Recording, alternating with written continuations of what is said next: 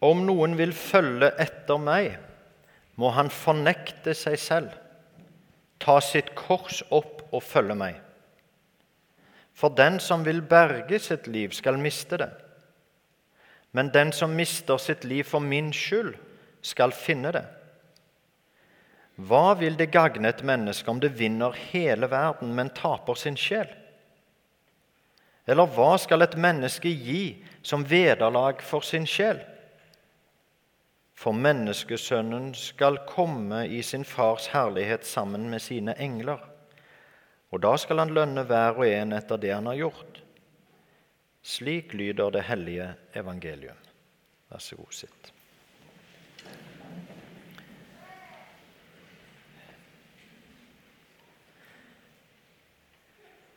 Jesus snakker om at det på en måte koster å følge han.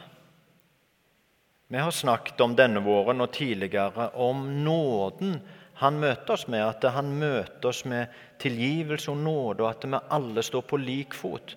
Det er ikke forskjell på oss foran Guds ansikt fordi vi møtes med nåde. Vi har ingenting å peke på av vårt eget, noen av oss. Det er Han som kommer til oss og tar oss inn i sitt rike.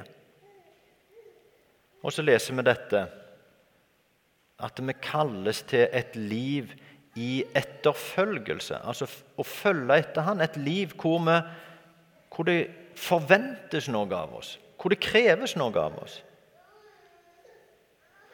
Og Det er jo det som er kall, egentlig. Når Jesus gikk rundt og så kalte han disipler, så sa han ikke 'tro på meg', men han sa 'følg meg'. sa han. Og når vi leste fra dåpsbefalingen om hva som var oppdraget til disiplene, så var det 'gå ut og gjør alle folkeslag til disipler'. Idet dere døper dem og lærer dem å holde alt jeg har befalt dere. Så det å være kristen, det å være kalt til å ta imot nåden og leve det nye livet, det er altså et kall òg til til noe som koster for oss.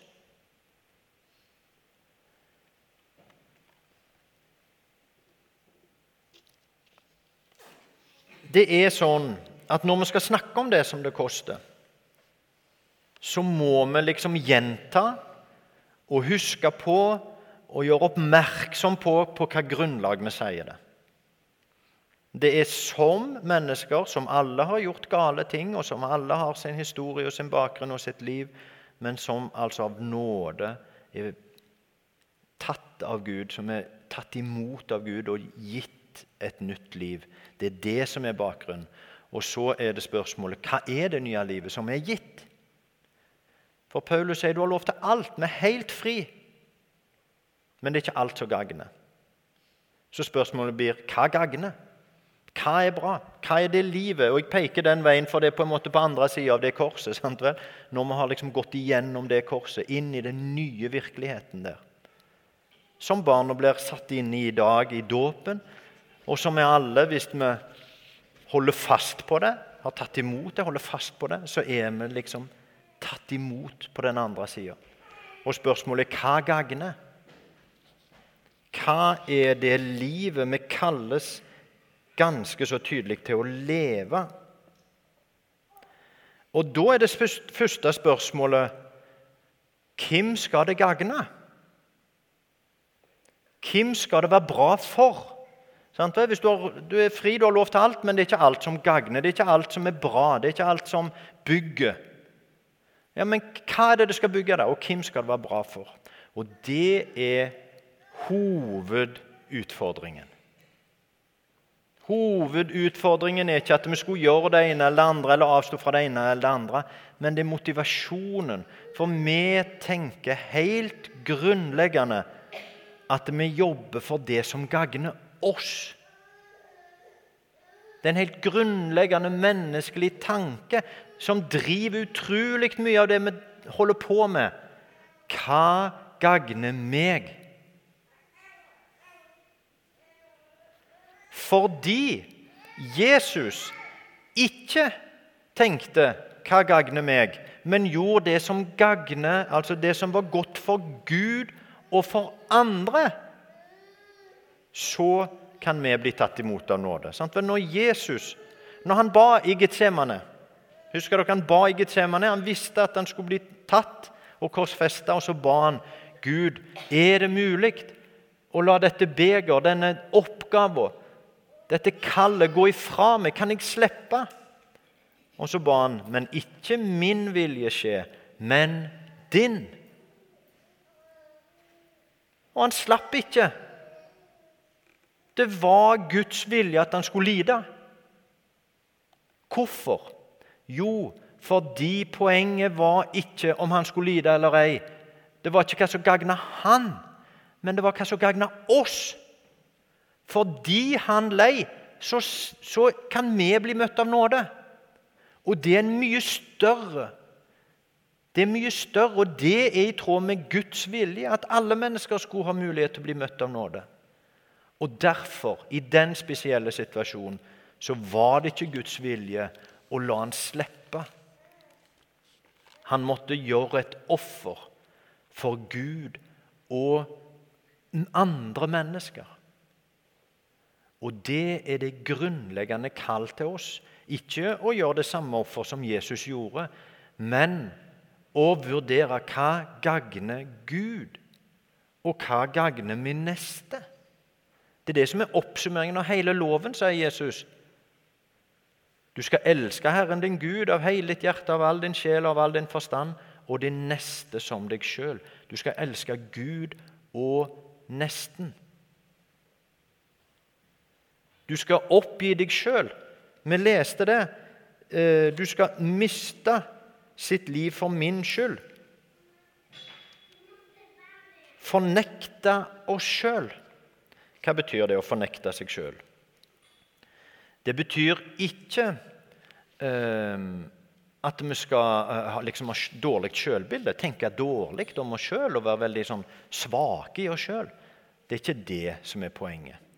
Det er heller ikke sånn at vi skal eh, være sjøloppofrende på en sånn måte at eh, vi skal hjelpe fordi det føles godt. på en måte. Det, det er jo nærmest egoistisk, det òg. At vi skal, vi skal føle så, så hjelpsomme og snille. Vi skal ofre vårt eget, vår egen vilje for å gjøre Guds. Vi skal følge Hans.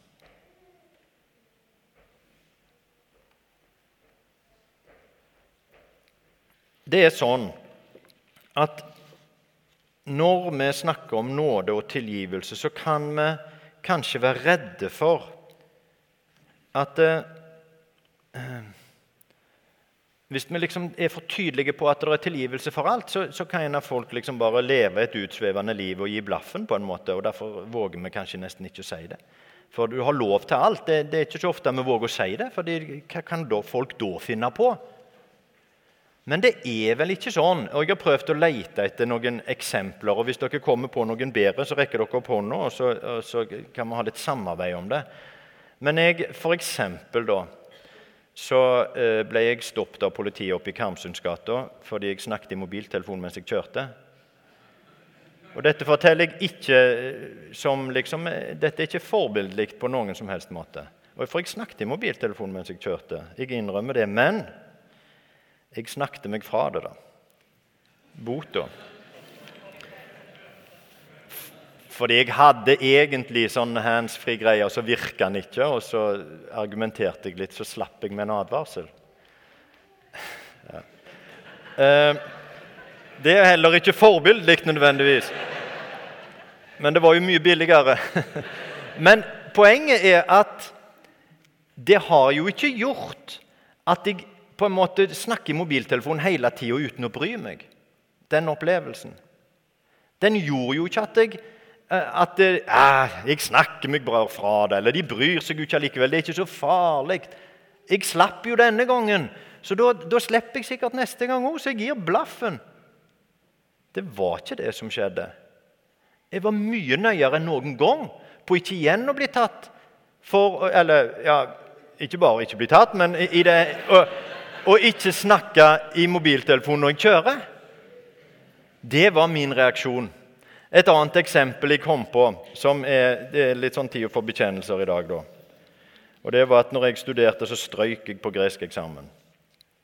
Og det, Dere kan prøve den som vil, det er ikke så lett med gresk. Men det gjorde jeg i alle fall. Og da var det jo ikke sånn, og da fikk jeg sjanse til å gå opp på ny. Det var jo en form for nåde i det, da. Men da var det jo ikke sånn at jeg tenker ah, da trenger Jeg jo ikke, jeg får jo bare prøve på ny, sant vel? så jeg, jeg trenger ikke lese. da. Jeg kan jo bare...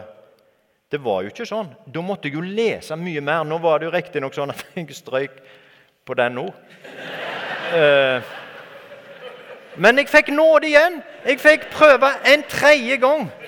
Og da leste jeg enda mer. sant vel? Når jeg tenkte det må jo være grenser. Det, jo, det, kan ikke holde på så lenge, dette. Så da gjorde jeg en skikkelig innsats der. Så jeg, jeg kom meg i mål på tredje forsøket. Men dere skjønner poenget, håper jeg. Det nåde gjør jo ikke at vi gir blaffen. Det at Gud kommer til oss og møter oss med nåde og sier uansett hva du har gjort i livet ditt, uansett hvordan livet ditt ser ut i dag, så kom jeg deg i møte. Jeg kom for deg, sa han. Jeg kom for deg som skjønner det, at livet ditt var nok ikke helt sånn som det skulle vært. Han sier det jo helt tydelig. Han kom ikke for de friske, han kom for de syke. Altså han kom for de som, som ser det det er jo ikke 100 For deg jeg kom for, sa han. Og så kaller jeg deg inn til et nytt liv. Som er basert på det at jeg kom til deg. Som er basert på at jeg tilgir deg. At jeg reiser deg opp og jeg setter deg inn i en ny virkelighet. Hvor du skal leve et annet liv. Hvor du skal være dreven av andre krefter hvor du skal ha min egen ånd i deg, sier Gud. Til å gjøre noe annet. Til å se at den største gleden er ikke å fortsette å gjøre ting som er ondt mot andre eller mot Gud, men det er å ære Gud og ære din neste med ditt liv, som er det store. Det er det som er det nye livet. Og det er, det er et kors, det er et offer fordi det er annerledes. For vi lever i en verden hvor det ikke er sånn. Vi lærer ikke verken i skolen eller på TV eller andre plasser at du skal ofre deg sjøl for andre. Vi lærer at vi skal realisere oss sjøl, om så var på bekostning av andre. Gud sier det er noe annet. Det er noe annet, og det krever noe av oss. For det er motkultur. Det er annerledes, det er unormalt. Og det å leve unormalt og det å endre seg til å bli unormale krever noe av oss. Og i den forstand er det et kors. Og i den forstand så er det på en måte en lidelse, da. Men samtidig så er det en sannhet at det er en større glede å gi enn å få. Det er en grunn, det er en djupere sannhet som vi òg kan få oppdage. At det var større mening det var større glede i å ofre sitt liv for den andre enn å vinne det for sin egen del. Kanskje vi kan få se det. Det er en motivasjon for dette. Og motivasjonen er i første rekke at vi er møtt av nåde. Og så er det det at det er på en måte noe midlertidig over det som er på denne sida av døden. Det er lenge, og det eneste vi kjenner, på en måte, men det er likevel noe midlertidig. Vi venter på noe annet. Og Derfor er det verdt det. Det er verdt å strekke seg. Det er verdt å kjempe. Det er verdt å gi. Det er verdt å ofre for noe større som venter. Og Det er ikke sånn at jeg skal ofre og jeg skal være på en måte stakkarslig fordi Gud blir så fornøyd med meg, men fordi det fører til noe. sant vel? Hva førte det til at Jesus var lydig? Det førte til frelse for oss. Hva er det han kaller oss til med et rett liv? Det er et rett liv hvor du tjener de neste, sånn at de neste får det bedre. Og finner frelsen. Og oppnår det evige livet. Det er jo en hensikt som oppnås når vi er villige til å gi, når vi er villige til å følge. Og dette trenger vi å bli minnet på og utfordra på. Nå hørte vi det i dag, og da er utfordringen hva gjorde det med meg i dag å bli minnet på offeret, etterfølgelsen? Og Noen ganger så er det sånn, sånn pedagogisk i livet vårt at vi må gjøre noen bestemmelser. At vi må handle. Det er jo det kallet går på. Kallet er at du skal høre Guds ord. Altså, les i Bibelen selv når du er på ferie. Vær, møt opp når vi samles. Be til Han. Og så er det det at det ordet tale, det skal vi høre etter. Ikke tenk at det gjelder andre, men tenk at det gjelder deg. Og reflektere over hva betyr det for meg. Hva er det det treffer i mitt liv? Hva er det konkrete utslaget i mitt liv som dette skal få? Det er kallet vårt. Hør Guds ord, reflekter over det og finn ut hva som er det konkrete, og så handle. Gjør det. Det som Gud viser, er det konkrete i ditt liv. Det er vårt kall. Det er det vi er frelst til. Og i dag ble vi minnet på det igjen. Følg meg, sier Jesus. Han er vår Herre. Ja, Herre, vi vil følge deg. Vis oss veien vi skal gå. Vi takker deg for nåden for at vi står på samme fot for ditt ansikt, fordi du har gjort oss til en familie og et fellesskap. Herre, vi vil følge deg. Gi oss kraft til å leve annerledes. Til å ære deg og til å hjelpe vår neste. Amen.